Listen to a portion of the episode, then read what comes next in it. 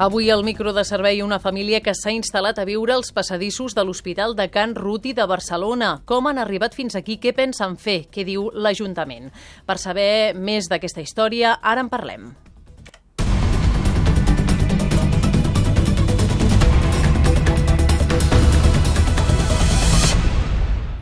Anem cap a l'hospital, allà hi ha la unitat mòbil amb José Antonio Rodríguez i Marc Ostrell. Bon dia. Hola, bon dia.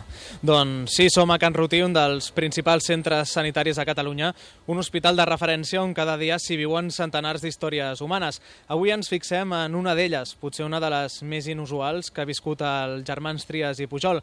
Des de fa 10 mesos, una família desnonada viu en dos bancs de fusta situat al vestíbul de l'hospital. Aquí els veu tothom qui passa i avui volem conèixer la seva situació. Ells són la Mònica Sánchez i els seus pares, la Isabel i en José. Mònica i Isabel, bon dia. Bon dia. Hola, bon dia. Doncs expliquem-nos una mica aquesta situació. Porteu aquí 10 mesos, eh, la Isabel se'n va tres cops per setmana a fer-se diàlisi als hospitals de Barcelona. Com va començar aquesta història? Bueno, pues resumiendo, resumiendo, pues ya llevamos así 10 meses, como tú has dicho.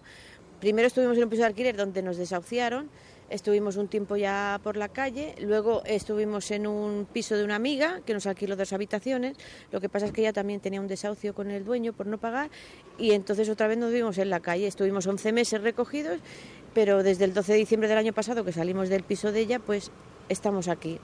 Otra vez nos hemos visto otra vez en la calle. Teniu molt poques coses aquí. Uh, on teniu totes les pertinences? Pues las tenemos metidas en un trastero desde hace tres años, que pagamos cada mes 164 euros.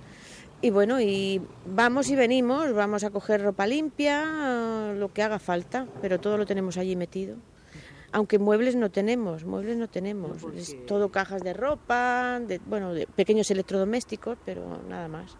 Ropa, muebles no tenemos porque el piso no lo alquilaron. Un amigo mío que tiene una peluquería en Santa Coloma no lo alquiló con muebles.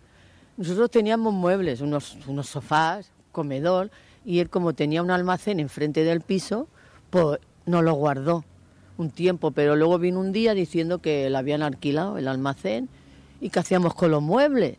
Pues dijimos, pues mira, darlos por ahí, dáselo a alguien, os tíralos porque él, él me lo alquiló todo amueblado, todo, sofá, mesa, cortina, todo, todo, todo, muy majo.